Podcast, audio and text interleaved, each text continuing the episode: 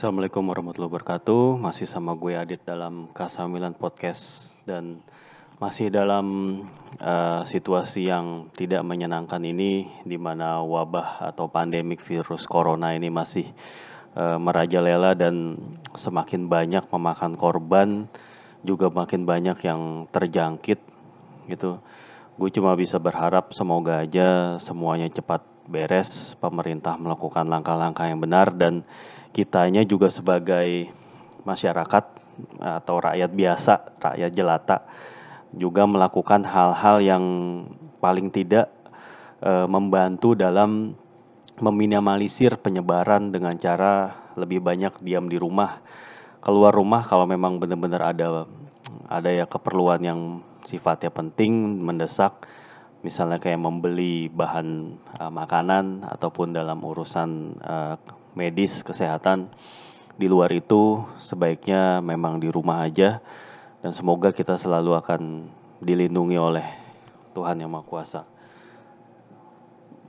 Uh, di sini di Kasamilan Podcast ini akan coba terus apa namanya terus untuk menyajikan konten-konten ataupun uh, apa postingan tentang Milan dan akan terus berusaha untuk update dengan situasi yang cuma di Eropa ya. Nyaris di seluruh dunia itu udah kayak nggak ada kompetisi lagi gitu. Udah nggak ada apa namanya udah nggak ada kompetisi yang berjalan.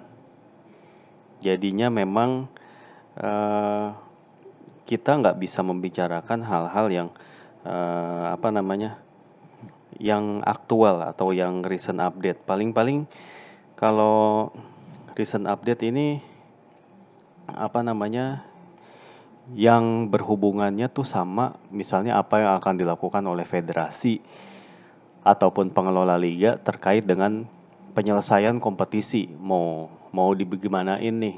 Mau bagaimana? Tapi kalau soal kayak uh, bagaimana tim ini mempersiapkan untuk musim depan ataupun transfer pemain, rumor-rumor segala macam itu kayaknya nyaris nggak relevan gitu karena apa namanya uh, kita sendiri juga masih nggak tahu uh, virus corona ini dampaknya bakal seperti apa dan bakalan uh, apa ya kapan selesainya gitu.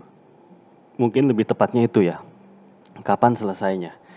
Dan semoga aja kita cuma bisa berharap ya, semoga cepat selesai dan kita bisa nonton bola lagi, kita bisa ngomongin bola lagi dengan tenang gitu ya, dengan apa uh, ketemuan lagi sama teman-teman karena gue sendiri juga sebenarnya gue juga punya podcast lain di luar ini yaitu misalnya sama teman gue Isan di Serie A gitu ya.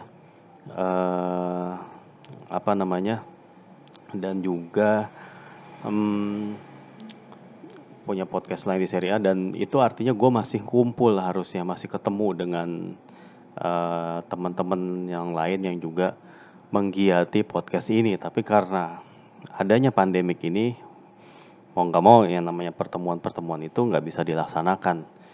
Kayak gitu.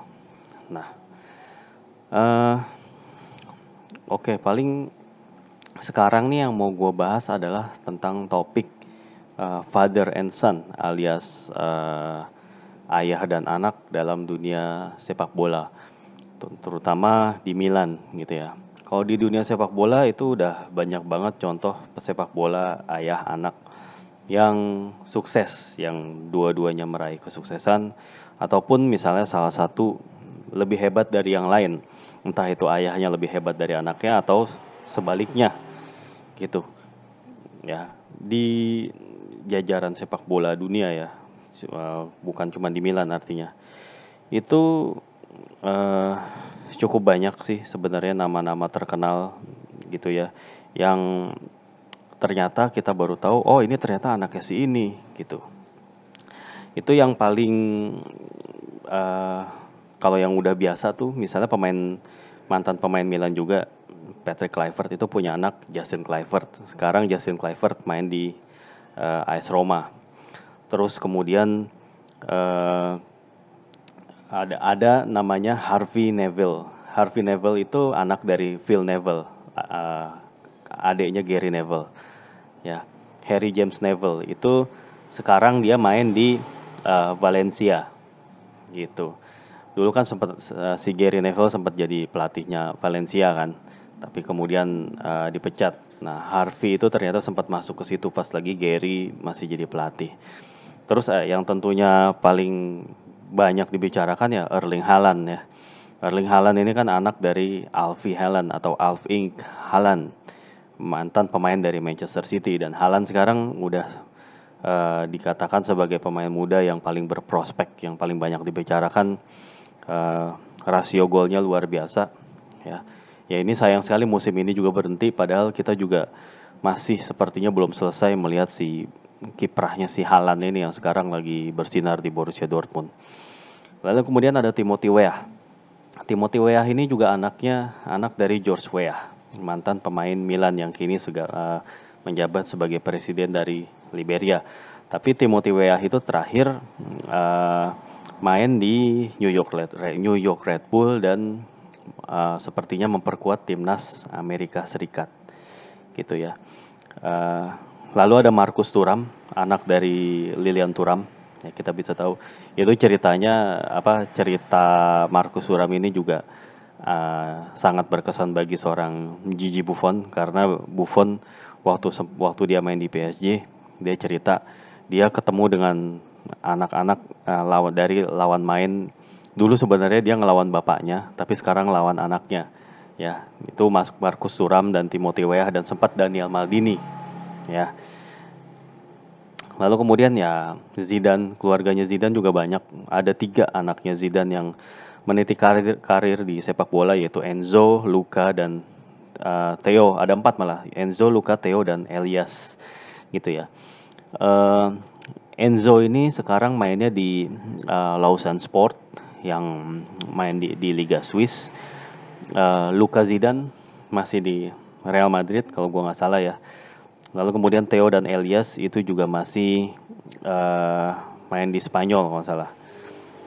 Lalu kemudian ada uh, Giovanni, Simo, Giovanni Simeone tentunya anak dari Diego Simeone. Sekarang Simeone main di Cagliari ya untuk tadinya tuh untuk menggantikan uh, siapa namanya uh, Leonardo Pavoletti yang cedera gitu. Lalu kemudian ada Yanis Haji Yanis Haji tentunya anak dari George Haji, uh, legenda Rumania. Uh, Yanis Haji sekarang main di mana ya? Di Prancis kalau nggak salah tuh. Di lupa gue main di di klub mana, tapi kayaknya dia ada beberapa klub Serie A yang mulai tertarik sama dia lagi gitu. Terus Maldini sebenarnya punya uh, Paolo Maldini itu punya anak dua yang jadi pemain bola. Selain Daniel Maldini itu ada Christian Maldini. Cuman uh, Christian Maldini itu lebih lebih ini aja lebih terkenal. Maksudnya lebih eh Christian Daniel Daniel itu yang lebih uh, sukses dibandingkan dengan abangnya.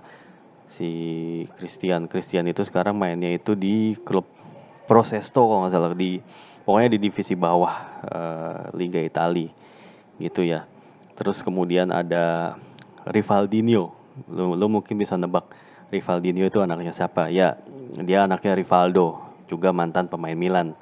Ya, sebagaimana kita tahu, uh, Rivaldo ini uh, sempat main di Milan, tapi dia itu karirnya di Milan nggak terlalu yang sukses-sukses banget karena uh, pas dia datang itu dia juga dalam udah melewati puncak karir ibaratnya uh, puncak karirnya dia tuh waktu main di Deportivo La Coruña dan di Barcelona pas di Milan ibaratnya udah tinggal di ujung-ujung dan dia waktu di Milan itu juga nggak mengalami masa yang terlalu menyenangkan karena dia nggak suka dicadangin ya. Sementara Ancelotti kan uh, waktu itu punya pemain-pemain yang berposisi sama dengan dia itu kayak Rui Costa, kayak siapa namanya Clarence Seedorf gitu. Itu uh, sehingga si Rivaldo itu harus kayak dirotasi dan buat buat seorang Rivaldo waktu itu dia sangat gak suka untuk dirotasi dan dia komplain gitu walaupun kemudian Ancelotti menenangkan dia tapi habis itu karirnya di Milan ya biasa-biasa aja gitu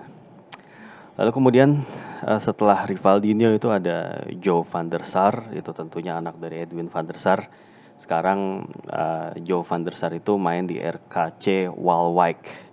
Sempat main di Ajax juga, cuma sepertinya tidak mampu menggeser kiper Ajax yang lagi naik daun Andre Onana ya. Jadi akhirnya ya dia pindah ke RKC Waalwijk dan nggak ada nepotisme di situ ya. Walaupun si Edwin van der Sar sebagaimana kita tahu adalah salah satu direktur dari Ajax saat ini gitu.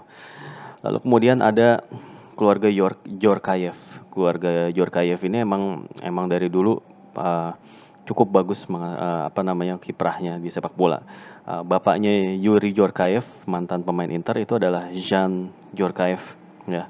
Jean Jorkayev itu uh, dulu juga kapten timnas Prancis sementara Yuri Jorkaev adalah penggawa timnas Prancis waktu zaman uh, tahun 98 2000-an awal ya dan akhirnya sempat ngebawa Prancis juara dunia gitu. Lalu kemudian ada keluarganya uh, Good Johnson. Uh, Edur Good Johnson ini adalah anak dari Arnor uh, Arnor Good Johnson. Yaitu pemain mantan pesepak bola Islandia yang uniknya adalah pemain yang kepada saat si Edur itu debut di timnas Islandia itu dia menggantikan bapaknya.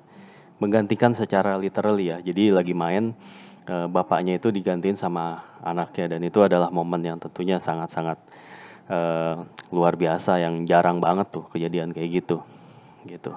Itu kalau di sepak bola dunia dan kalau di Milan sendiri itu pernah ada uh, Beniamino Abate dan Ignacio Abate. Walaupun si uh, Beniamino itu nggak pernah main di Milan pada saat dia karirnya bermain tapi uh, dia itu uh, gue nggak tahu ya sekarang ya tapi dia sempat jadi staff pelatihnya Milan ya.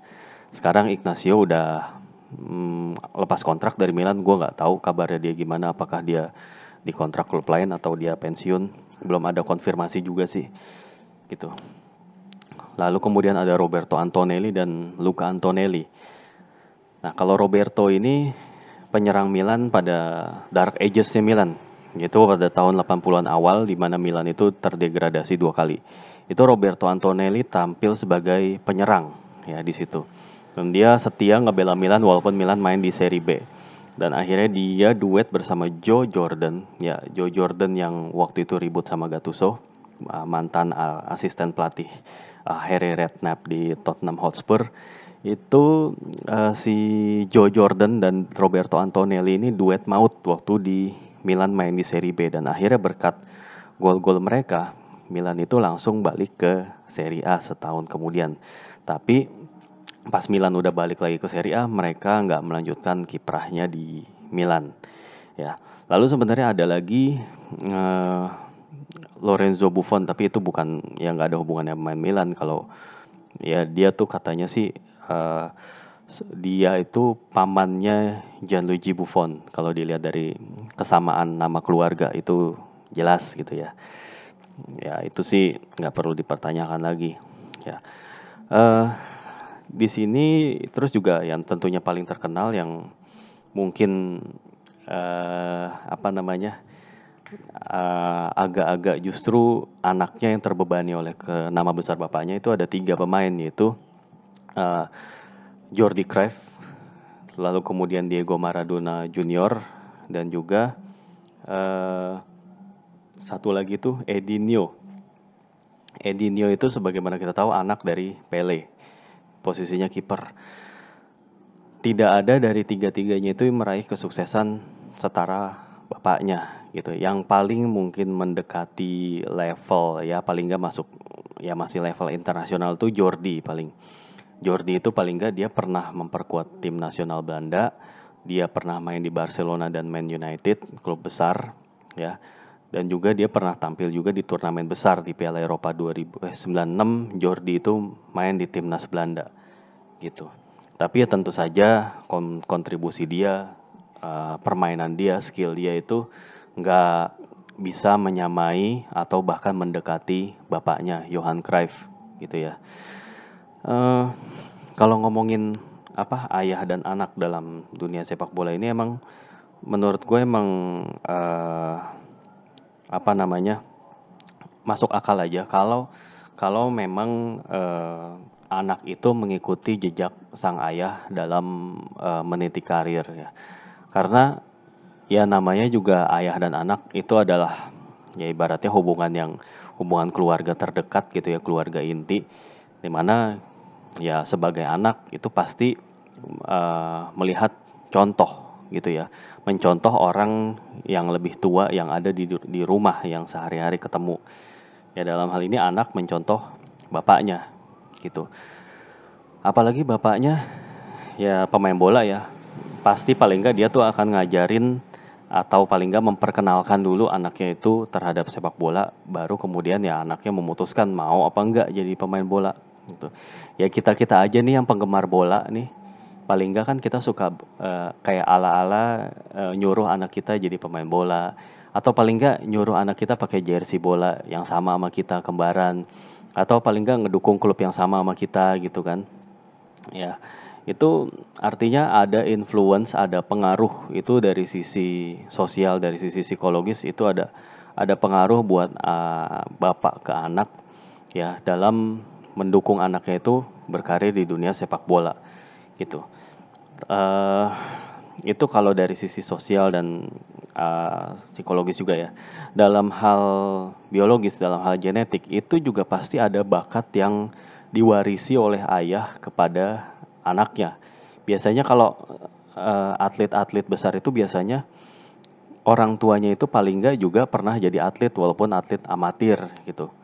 Misalnya atlet amatir uh, jadi walaupun at, misalnya bapaknya itu bukan atlet yang sukses misalnya uh, tapi anaknya itu bisa jadi atlet yang sukses karena paling tidak dia mewarisi uh, namanya kekuatan, kelenturan, mentalitas atau jiwa kompetitif dari bapaknya gitu, dari orang tuanya sebagai orang terdekat yang emang bisa memberikan uh, contoh ataupun pengaruh gitu. Nah, inilah yang membuat para itu tentu lebih besar kemungkinannya untuk juga jadi atlet ketimbang yang orang tuanya misalnya banker, orang tuanya misalnya PNS. Itu bukan yang nggak mungkin. Tentunya eh, kemungkinannya lebih besar kalau orang tuanya itu juga berprofesi sama. Karena kalau kita berprofesi juga sama dengan anak kita, eh maksudnya dengan misalnya kita punya profesi sesuatu nih masuk akal nggak sih kalau kita ngarahin anak kita di profesi yang sama? Karena kita udah tahu medannya dalam tanda kutip. Kita udah tahu apa-apa yang akan dihadapin sehingga kita kayak bisa membekali anak gitu ya. Walaupun bukan maksa ini konteksnya. Ini bukan maksa bukan uh, apa namanya bukan yang ngebentuk bukan kita, kita anak itu bukan hasil pabrik gitu ya. Bukan hasil uh, fabrik apa namanya hasil produksi dari orang tua dalam artian kita tuh nggak bisa memprogram anak gitu ya sesuai sama keinginan kita anak kita tuh mau jadi apa nggak bisa. Itu gue juga pernah nemu kayak perumpamaan yang cukup baik ya misalnya. Jadi uh, misalnya uh, anak kita itu uh, adalah uh, apa ya kemampuan kekuatannya kekuatan anak kita itu di bahasa misalnya. Tapi kita maksa anak kita itu jadi dokter gitu ya.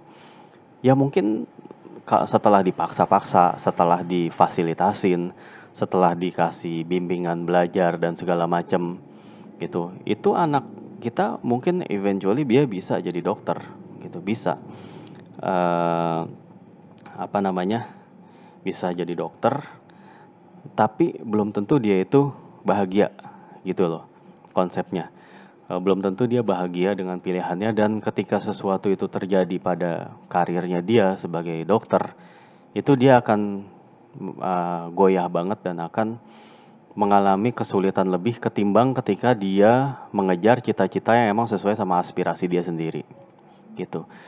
Ya dalam hal uh, sepak bola ini juga gua rasa begitu ya.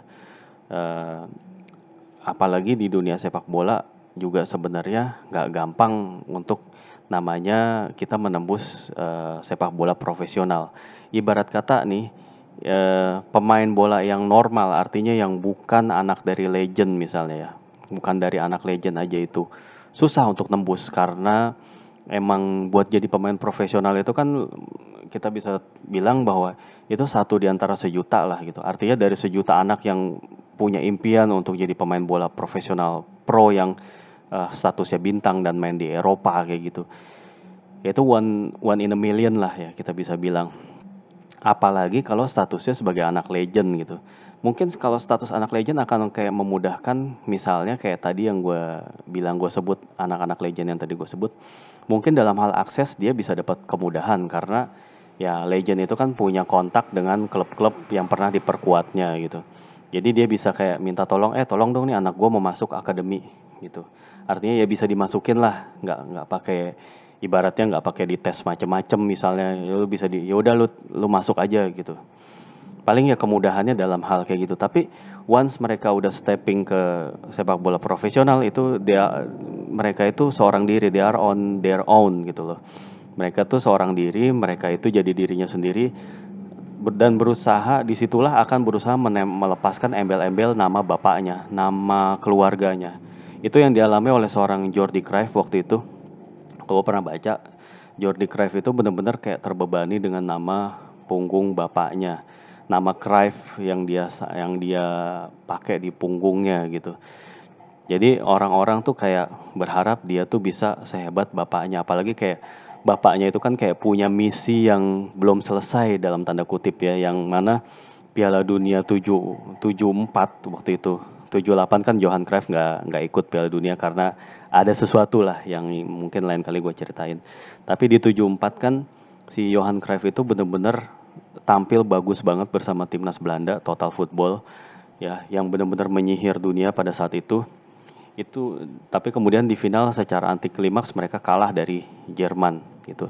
Itu Belanda tahun 74 dan Hungaria tahun 56 eh 50 54 ya Hungaria 54 dan Belanda 74 itu adalah dua tim uh, yang statusnya juara tanpa mahkota yang benar-benar juara di mata publik gitu ya. Yang artinya biasanya kan uh, publik itu orang-orang itu hanya akan mengingat juara, mengingat sang juara. Publik itu nggak ingat runner up. Tapi untuk pengecualian untuk case ini, publik itu mengingat runner up-nya. Jadi uh, Magyarsnya Hongaria yang waktu itu ada Ferenc Puskas, Sandor Koksis, Nandor Hidekuti dan lain-lain itu lebih terkenal daripada Helmut Rahn di uh, timnas Jerman gitu ya. Atau begitu juga ketika uh, Johan Cruyff itu dan Johan Cruyff, uh, Brink, uh, Johnny Rep, Ruth Kroll dan kawan-kawan itu masuk ke final 74 itu publik itu benar-benar udah mencintai mereka ketimbang timnas Jerman gitu loh.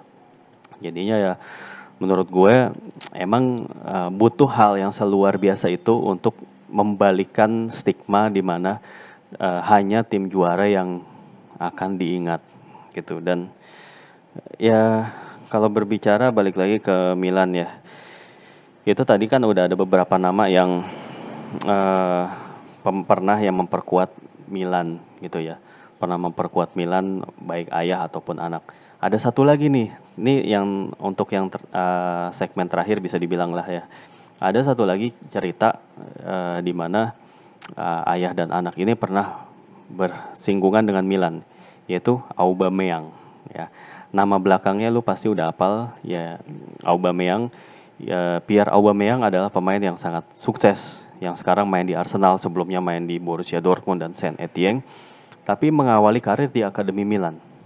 Ya.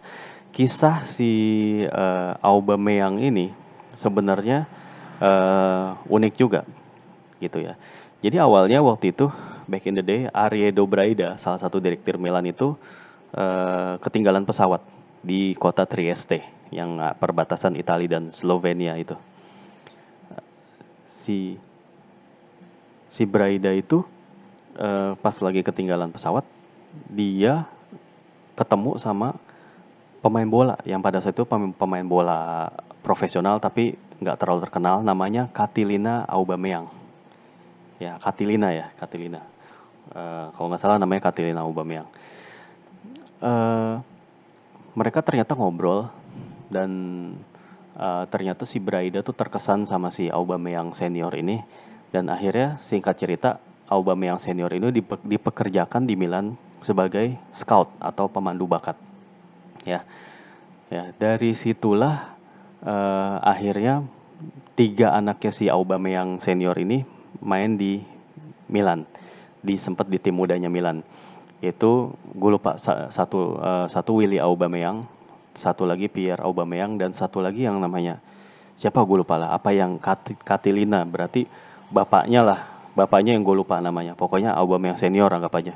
Jadi anaknya itu namanya Katilina Willy dan Pierre gitu. Uh, Willy Aubameyang sempat gue lihat penampilannya waktu Milan di uh, apa namanya Trofeo Berlusconi dia bikin gol ke gawang Juve. Ya tapi habis itu dia nggak pernah tembus ke tim utama. Begitu juga dengan Pierre, dia juga nggak pernah bisa tembus ke tim utama dan akhirnya dia malah dilepas ke uh, Sang Etienne gitu ya. Dan akhirnya Milan menyesal waktu zamannya Mirabelli itu sempat Aubameyang mau dibawa balik tapi uh, harga dan gajinya terlalu mahal sehingga nggak jadi diboyong. Akhirnya diboyongnya ke apa? Jadi diboyong sama Arsenal gitu. Ya emang nasib nggak ada yang tahu. Kita nggak pernah tahu Eh, ibaratnya bagi Milan nggak pernah tahu eh, pemain-pemain mana yang mereka buang dan akhirnya jadi sukses di klub lain gitu ya. Ya namanya juga sepak bola emang penuh dengan ketidakpastian dan di situlah kadang-kadang letak serunya sepak bola dan cerita-cerita yang ada di belakangnya gitu. Ya tentang ayah anak dalam sepak bola ini emang sesuatu yang menurut gue cukup menarik untuk dibahas gitu ya.